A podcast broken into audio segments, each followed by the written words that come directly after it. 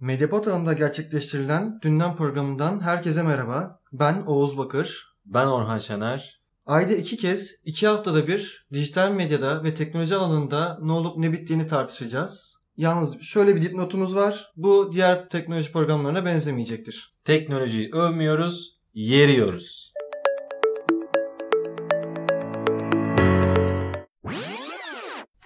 Atiye, La Casa de Papel, The Witcher, Hakan Muhafız, Stranger Things 3, Black Mirror, Sex Education, The Umbrella Academy, The Island ve You.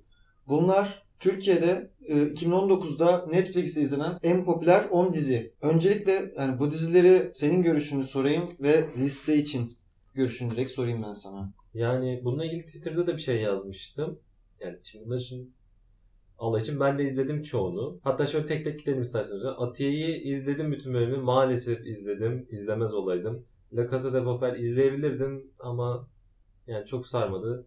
The Witcher kitabının oyununu falan biliyorum. Dizisi patetik. Hakan Muhafız yani 20 dakikasına baktım gözlerim acıdı. Stranger Things 1-2 çok iyiydi. 3 o kadar iyi değil ama idare eder. Black Mirror zaten çok çok seviyordum. Netflix'teki hali o kadar iyi değil ama iyi tabii ki. Sex Education muazzam. Umbrella Academy çizgi romanını okumuştum. Dizisi yani vasatın bir üstü. The Island nedir bilmiyorum. You ilk sezon iyiydi. ikinci sezon kötü. Şimdi buradan yani bunlar tabii benim subjektif değerlendirmelerim. Sinema eleştirmeni değilim. Yani müthiş dizi eleştirmeni de değilim ama iyi kötü böyle iyi bir dizi izleyicisiyim. Şunu söylemek istiyorum.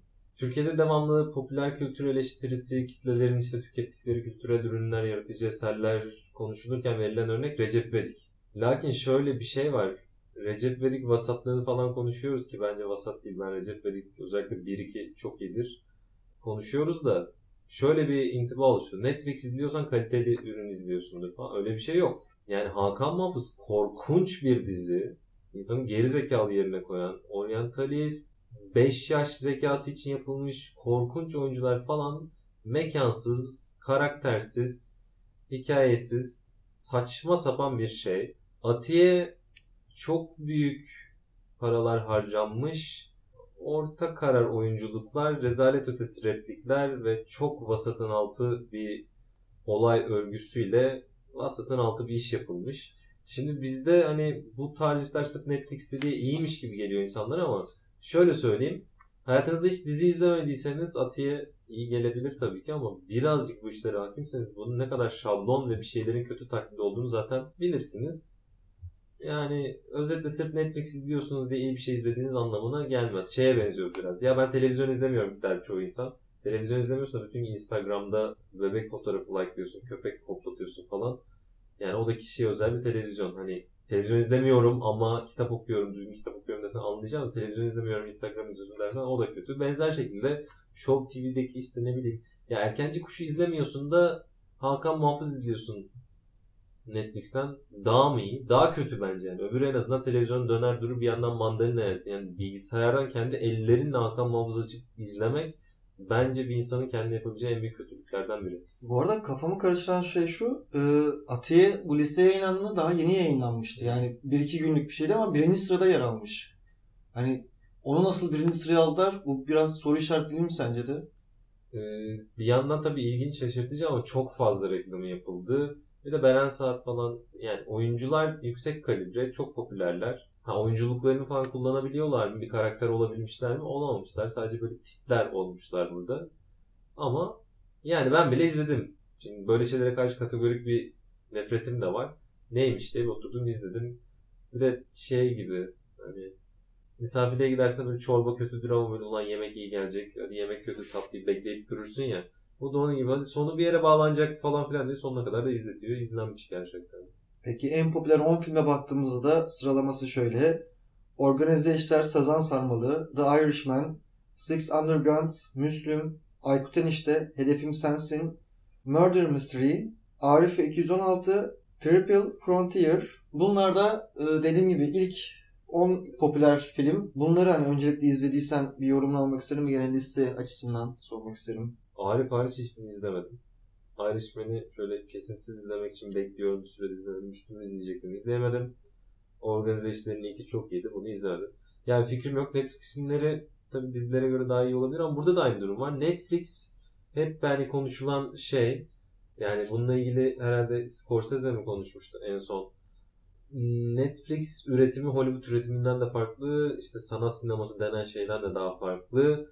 Çok fazla veri kullanıyorlar. Replikleri yazarken bile A-B test falan yapıyorlar.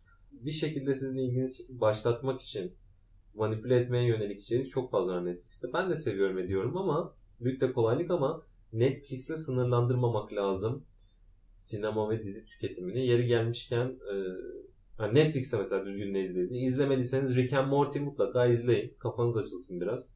House of Cards'da mesela ilk 4 sezonuyla şu anda hemen Netflix'te açıp izleyebileceğiniz e, dizilerden. E, onun dışında hani film içinde Mubi falan izlemekte fayda var. Biraz düzgün film de izleyin. Onun dışında dizi olarak zaten efsanelerde Sopranos, The Wire falan. Yenilerden Silicon Valley. Böyle şeylere de bakmakta bence fayda var. Yani şunu da söyleyeyim. Oturup Atiye izleyeceğini 10.ya böyle Hawaii Meteor Mother izlesen daha iyi bence.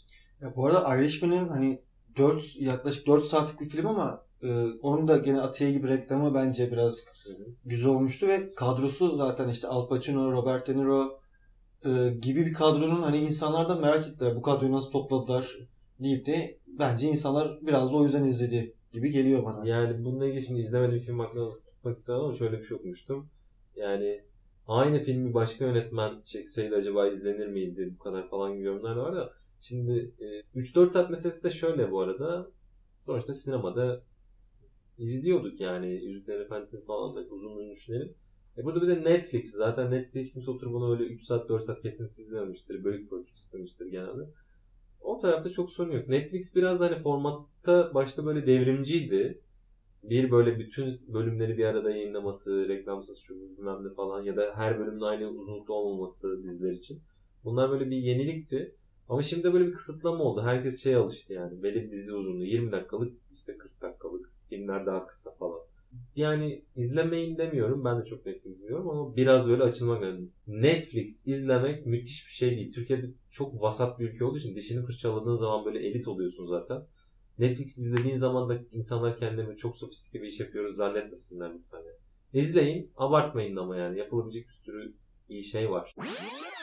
Türkiye'de toplam 4 milyon 54 bin 400 saat sesli kitap dinlendiği açıklanmış. Bu kitaplarda gene ilk onu şöyle. Harry Potter serisi, Sapiens, Bir Ömür Nasıl Yaşanır, İlber Ortaylı röportajıydı bu. Ustalık gerektiren kafaya takmama sanatı, Kürk Mantolu Madonna, Serenat, 21. yüzyıl için 21 ders, Homedeus, Saatleri Ayarlama Enstitüsü ve İçimizdeki Şeytan. Öncelikle hani zaten bir kısmı klasiklerden bildiğimiz kitaplar hani e, Kürk Mantolu Madonna, Saatleri Ayarlama Enstitüsü gibi. E, sen öncelikle şunu sormak istiyorum. Hani sen ne dersin bu kadar çok sesli kitap dinlenmesi ve bu kitapların özellikle çok dinlenmesiyle ilgili?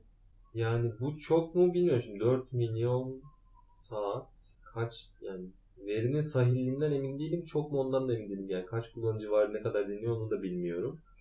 Ben dinliyorum Storytel'de hani 4-5 aydır üyeyim. Onun öncesinde de başka platformlar üzerinden sesli kitap dinliyordum. Zaten podcast dinliyorsan sesli kitap da dinleyebilirsin bence. Önce sesli kitapla ilgili genel bir şey söyleyeyim. Kurgu çok rahat ve çok güzel dinleniyor özellikle yolda. Çünkü kafanda o imge dünyasını yaratıyorsun. Ben mesela şunlara bakayım.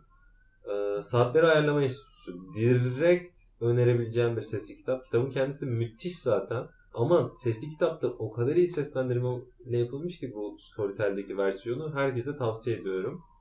Harry Potter benzer şekilde çok güzel dinlenir burada.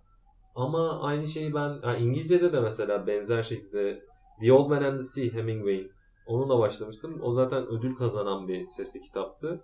Çok iyi. Sonra Vahşet'in Çağrısı'nı dinledim yakın zamanlar Türkçe olarak. Oldukça iyiydi.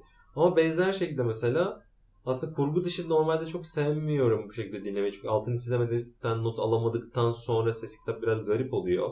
İşte Hawking'in zamanın kısa tarihini dinlemeye çalışmıştım. Daha önce de okuduğum bir kitap olduğu halde böyle devamlı aklım başka yerlere kaçtı. Ama mesela Emrah Safa Gürkan Hoca'nın Sultan'ın Casuslarını dinleyerek bitirdim ki kendisi mesela kitap okunur dinlenmez diyen birisi ama ben o kitabı iyi kötü dinledim. Sonra biraz böyle not da aldım aklımda kalanlardan. Kitabı da sonra alıp baktım. Fena da dinlememişim. Ama her kitapta böyle olur mu emin değilim. Şunların arasında mesela Sapiens böyle dinlenebilir bence ama okunsa daha iyi olur. Bir ömür nasıl yaşanır İlber Hoca işte tavsiyeler veriyor falan o zaten dinlenir. İnsanların bir kısmı maalesef doğuştan zayıf olur ve hastalıklarla boğuşur. Ustayılık gerektiren kafayı takma o sanatı nedir bilmiyorum ama kişisel gelişim falan şeyleri almayın, dinlemeyin. Yani bilmiyorum ya şimdi çok da abartmayayım da öyle şeyleri çok sevmem.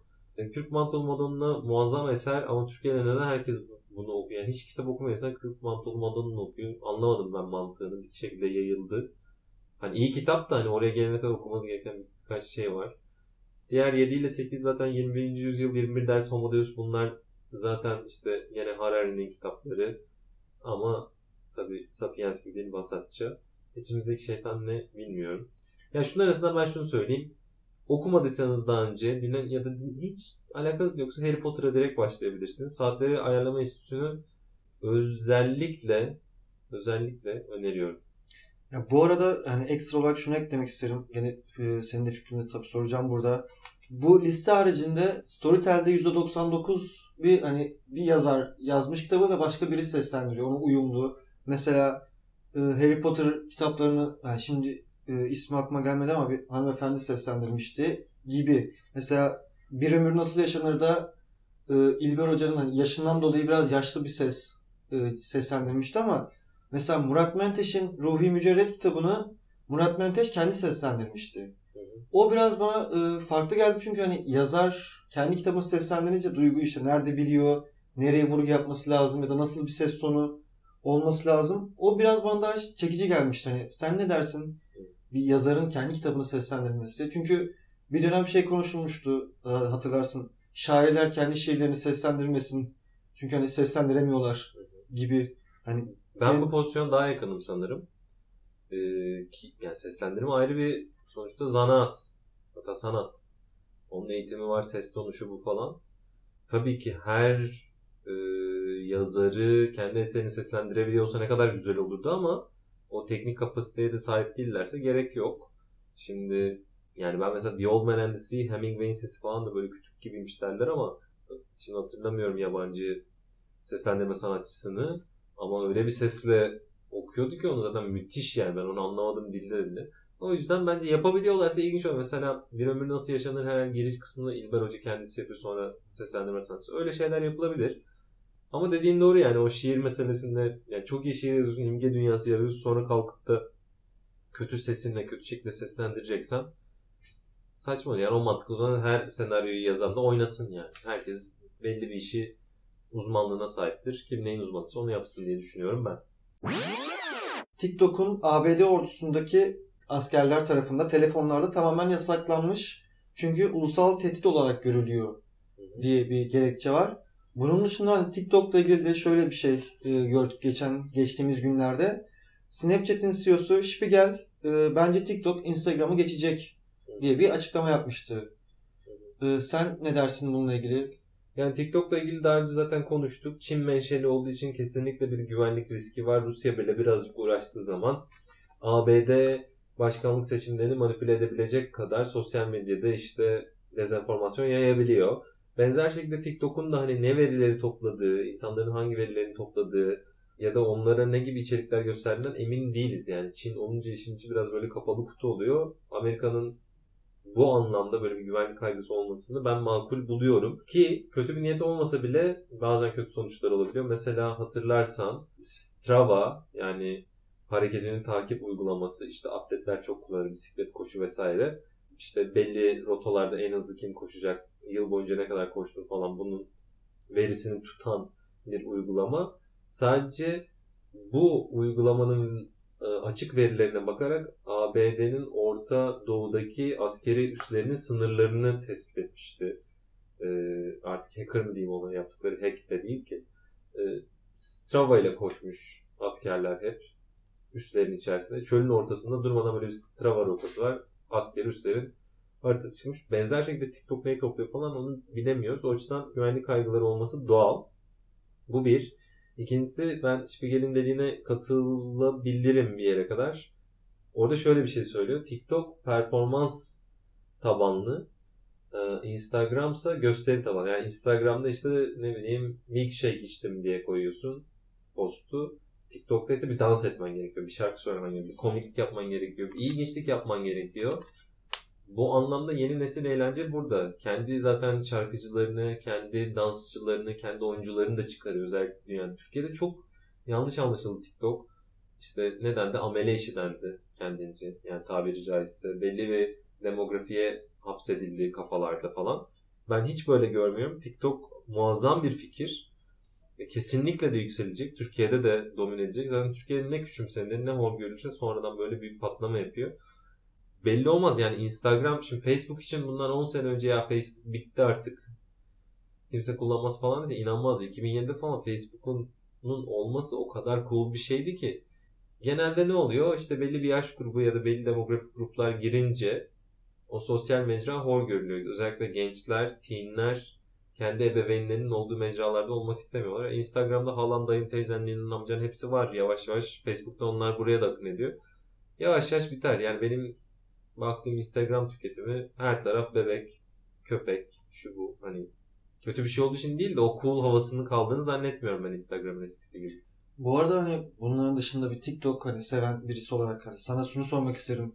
Bu ara çok şey duyuyorum. Hani TikTok ne? Çünkü insanlar hala anlamaya çalışıyor. TikTok ne, ne işe yarıyor diye. Bunu aslında biraz tanımsal olarak hani sen söyleyebilir misin? TikTok'un aslında ne olduğunu, ne işe yaradığını. Anlatması zor kullanmak lazım ama TikTok böyle tek cümleyle anlatacak olsak ben herhalde şöyle demek isterim. Performansa dayalı video retweet uygulaması. Yani nedir? Retweet dememin sebebi ne? Twitter neyle dönüyor? Retweetle. Birisi bir şey paylaşıyor. Sen ya beğeniyorsun ya da retweet ediyorsun. Tekrar paylaşıyorsun. Retweet demeyelim o zaman. Performansa dayalı video karaoke uygulaması gibi bir şey. Neden? Ee, bir performans sergiliyorsun. Genellikle bir müzikle. Çünkü bunun arkasında müzikali vardı başta hatırlarsan. Başta karaoke uygulamasıydı. Ya da böyle sync olarak iki kişi sync bir müzi- müziğe eşlik ediyordu. Birisi bir dans ediyor, komiklik yapıyor veyahut da şarkı söylüyor. Daha sonra bir trend haline gelirse oradaki sesin üzerine sen karaoke yapıyorsun. Bu birinci versiyon. Veyahut da trend olmuştur bir şey. Orada yapılan hareketin benzerini aynı mizanseni sen de kurarak tekrar yapıyorsun. Yani nedir bunun mantığı? İşte Halil Kaya mı? Hile... Halil Kaya mı o çocuğun adı? İşte meyhanede rakı içerken böyle çılgın türkü okuyor, arabesk okuyor falan. Gidip sen de evde aynısını söylüyorsun. Hareketlerini ona benzeterek. Ya da işte ne bileyim kız arkadaşınla yol, yolda yürüyormuşsun da yandan çocuk böyle bakış atmıştı sen ona böyle kafa atmışsın falan diye mizansenler kuruyor teenler. Sonra 100 kişi aynısını kuruyor falan. Ama bir sürü bunun benzeri var yani. Özellikle yurt dışındaki örneklere baksınlar Amerikalılar falan her Allah'ın haftası böyle yeni dans üretiyor. Sonra millet onu yapmaya çalışıyor falan. Bayağı da yaratıcı işler çekiyor. Yani ben bunu tercih ederim şahsen. Instagram'da Bayağı kalkıp da- prodüksiyon gerekiyor çünkü hani yaptıkları şey için. yani sokakta gördüysen işte nasıl TikTok videosu çekiyor bayağı uğraşıyorlar. Bence iyi yani insanlar enerjisini buna kanalize etsin. Kalkıp da işte Helalinde olasın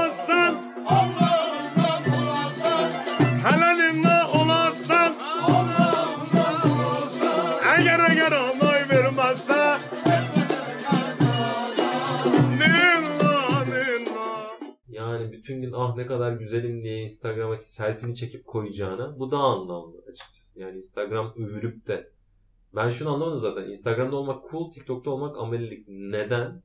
Hani birazcık makyaj yaptın da ayna karşısına geçtin, Instagram'a geçtin. Hasbel kader yaradan senin genlerini iyi vermiş diye sen bu insanlardan üstün mü oldun yani? Adam da tencereyle müzik yapıyor. Bence daha üstün bir hareket yani. Hiç de Instagram bana TikTok'a karşı övmesin. Amerika'daki Demokrat Parti'nin e, en güçlü adayı olan Joe Biden sosyal medyayı da kapsayan 230 e, sayılı kanunun kaldırılmasını istedi. Bunu şöyle sormak isterim. 230 sayılı kanun e, ne ve sence bu ne anlama geliyor Amerika'da bu kanunun kaldırılmak istenmesi ya da kaldırılacak olması? Yani şöyle biraz kapsamlı konu ama Communication Decency Act diye bir kanun var. İletişimin doğru şekilde yapılmasına dayalı kanun. Bunun 230. maddesi bu. Bu 230. madde internetin ilk zamanlarında özellikle forumlarda yazılan yorumlardan forum sahibinin sorumlu tutulup tutulamayacağına dair açılmış bir davanın kararı sonucunda oluşan içtihate dayanıyor. Özetle şu demek. Ben bir forumda girdim. Birisine küfrettim. Ya da iftira attım. Türkiye'de mesela bunun yapıldığında bildiğim kadarıyla şimdi hukukçu değilim çok sallamak gibi de olmasın ama böyle olması lazım. Yazan kişi zaten sorumlu. ABD'de de sorumlu bu arada. Dünyanın her yerinde birine iftira atarsanız sorumlusun da mecra sorumlu değil. Orada şöyle bir mantık var. Ee, ABD kanun koyucusu diyor ki bu bir yayıncı kuruluş değil, teknoloji şirketi. Sadece platformu sağlıyor. Yani nasıl ki sokakta sen birine küfrettiğinde o sokağa taşlarını döşemiş olan mimar, mühendis, işçiyi suçlayamıyoruz. Burada da benzer şekilde yani bunlar yayıncı değil ki. Joe Biden da diyor ve bu 230. maddeyle korunuyor. Bu sebepten dolayı da mesela Twitter'da siz istediğinizi yazarsanız Twitter suçlanamaz bunun için. Facebook'ta bir sürü asılsız haber, yalan haber oluyor. Facebook'un için suçlanamaz, Zuckerberg'un için suçlanamaz. Biden de diyor ki tamam kardeşim internetin ilk zamanlarında böyleydi de şu anda Facebook yapılan bütün ısrarlara rağmen ABD başkanlık seçimleri öncesinde gene de asılsız haberleri durdurmayı vaat etmiyor. Özellikle reklam hususunda. Parasını verirsen istediğini söyleyebilirsin diyor. Bu böyle olamaz gibi bir argümanı var. Şimdi Cumhuriyetçilerden de Demokratlardan da aslında 230. maddenin sınırlarının daraltılması ve bunda böyle daha keskin hatlar olması, Facebook'a baskı uygulanması falan argümanları gelmişti ama ilk kez birisi ki bu birisi çok önemli birisi Joe Biden gibi birisi kendisi başkan yardımcılığı yapmış eee, ve de muhtemel bir ABD başkan adayı. I just think that social media has to be more socially conscious of what is important in terms of our democracy. İlk kez böyle önemli bir isim 230. maddenin kaldırılmasını, tamamen kaldırılmasını ve bütün online mecraların ve sosyal mecraların üzerlerinde yayınlanan bütün içeriklerden sorumlu olmaları gerektiğini dile getiriyor. Yani bana sorarsan böyle yapılabilir. Yapılamaz yani bu teknik olarak ne kadar mümkün bilmiyorum. Facebook üzerine yayınlanan her şeyi nasıl denetleyecek? Onu yapamaz. Ama evet yani mevcut haliyle yürümediği kesin. Mesela alenen de bu kadar büyük kampanyaların yürütülememesi lazım düşündüğümüz zaman. Orada zaten şöyle bir şey var hani e, dinleyiciler bazı sosyal mecralara bakarsa şunu da görebilirler. Birçok e, yazar bölümünün altında şey vardır. Yazının sorumlusu yazardır. Hani e, mecra sorumlu değildir diye de bir şey yazar. Hani Türkiye'de de çok az görünür bu ama Evet yani onun yazılmasıyla bu kanundaki mantık aynı. Ama şu anda artık internet yani internet ve gerçek dünyada iki ayrı dünya yok. İkisi iç içe geçti. Ee, o sebepten internete dair konan bütün kanunların baştan tekrar düşünülmesi gerekiyor da olabilir belki. 2017'de Türkiye'de kapatılan e, Wikipedia tekrar açıldı. Önce bu arada senin dikkatini çektiğini bilmiyorum ama şimdi düşününce hatırladım. İlk sabah saatlerini söylemişlerdi açılış saatini. E, sonra akşam saatlerinde açıldı yani. Yanlış hatırlamıyorsam sabah 11'di ama e, gece 11'de açıldı. Hani o biraz e, hani şahsen dikkatimi çekti ve 2020'de Wikipedia'nın açılmasına tekrar Türkiye'de sevinmemiz biraz bana enteresan geliyor. Hani sen ne dersin bununla ilgili? Yani Nasrettin Hoca'nın işte eşeğini kaybettiren Rabbim buldurunca sevindiriyor hikayesi gibi. Bir yandan sevindirici tabii. Ya bununla ilgili birkaç şey var söylemem. Yani bir, rezalet bir durum. Hani açıldı diye çok sevinecek bir şeyimiz yok. İki, Türkiye'de böyle vasatla yetinmek zorundayız. Hani herkesin sahip olduğu temel bazı şeylere sahip olduğumuz için sevinmemiz gerekiyor belki de. Bir diğeri, ya giren zaten giriyor kardeşim neyi engelliyorsunuz diyenler. Yanlış. Ben bile zorlanıyorum. Şimdi telefondayken yok başına sıfır koy arkadan app kur bilmem falan tak diye hemen önüne çıkmıyor. Yani yapıyorsun ama arada 2-3 saniye, 5 saniye, 10 saniye gecikiyor falan ki ben çok fazla Wikipedia okuyan bir insandım. Bunun mesela o pratiğimin kırıldığını görüyorum. Şimdi tekrardan alışmaya çalışıyorum. Başına sıfır koy falan. Yani gerizekalıyız biz de biliyoruz başına sıfır koymayı da. Ee, işte sağ tıkla hemen Wikipedia aç falan diyemiyorsun. Başkasının bilgisayarına. Bir sürü bir sürü sıkıntı. Onu da geçtim. O kadar hani dijital okur yazarlığı çok güçlü olmayan birisi Google'a bir şey yazıyor. Karşısına Wikipedia linki çıkıyor. Tıklıyor giremiyor yani. Ve işin doğrusu orada ve bunu okuyamıyor. Bu kadar temel bir şeyden bizim mahrum kalmamız korkunç. Bir diğer mesele de hiç kimse şey hatırlamıyor. Ya bu ne için kapanmıştı mesela. Değil mi? Böyle bir şey. Ne için kapanmıştı? İşte birkaç madde var. Bir, e, devlet destekli terör maddesi. Bunun içerisinde Türkiye'de, Türkiye'nin Suriye'deki işte tırnak içinde muhalif güçlere vermiş olduğu desteği bu başlık altında değerlendirildiği için. E, ikincisi e, Suriye'nin kuzeyindeki bölgeyi Türkiye'nin işgal ettiği alan olarak gösteriyor bir cümlede. Özel, özetle hani Suriye'deki savaşla ilgili Türkiye'nin izlediği askeri ve politik işte e, çizgini çizgiyi terörist eylemlerle ye- yaklaştıran diyelim bazı ifadeler var. Bu sebepten yasaklandı. Şimdi bunlarla ilgili tartışılır edilir katılmıyor olabilirsin bilmem falan filan da hani böyle zart diye bütün Wikipedia'yı kapatmak falan çılgınlık. Wikipedia bir de şeffaf bir yer. Hani arkasına gittiğinde editoryal olarak orada yapılan tartışmaları da görebiliyorsun. Zaten bayağı tartışma dönmüş. Hani bir maddeyle ilgili spesifik yasak falan bir yere kadar belki anlaşılabilir. Ama kalkıp da bütün sitenin bu kadar zamandır kapalı olması ben anlamıyorum. O sabah saatleri, akşam saatleri meselesi de biliyorsun Türkiye'de öyle mahkeme karar verdi hemen oldu değil.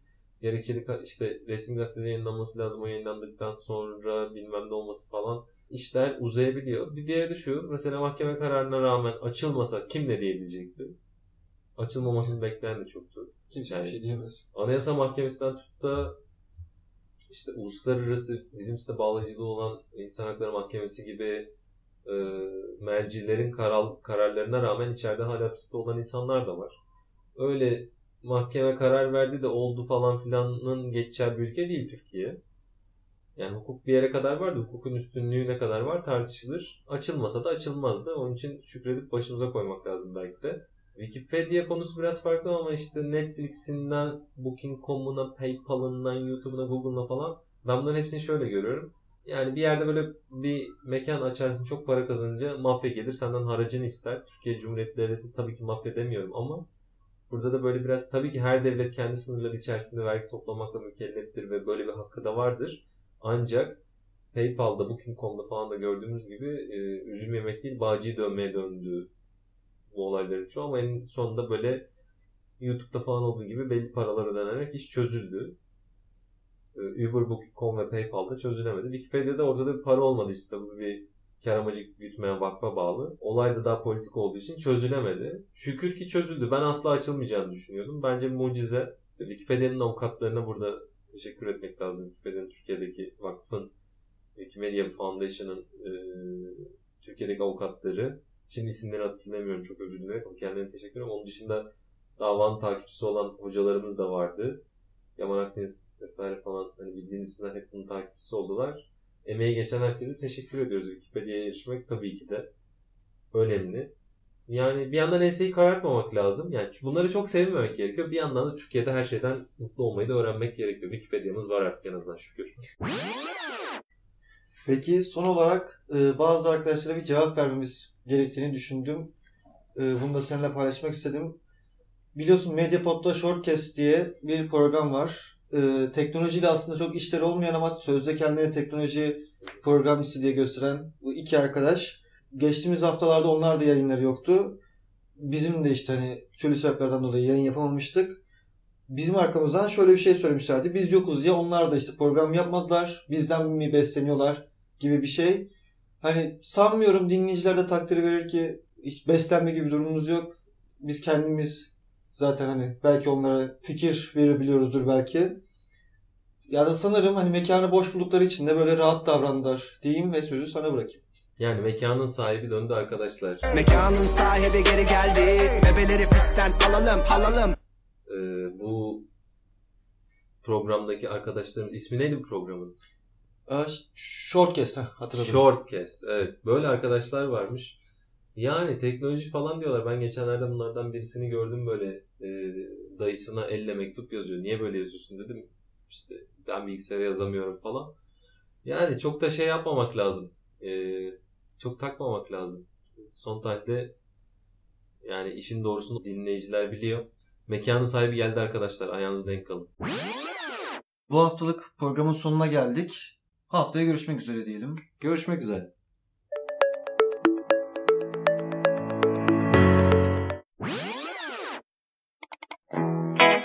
Medyapod'un podcastlerine Spotify, Google Podcast, iTunes ve Spreaker üzerinden ulaşabilirsiniz. Medyapod'u desteklemek için patreon.com slash medyapod.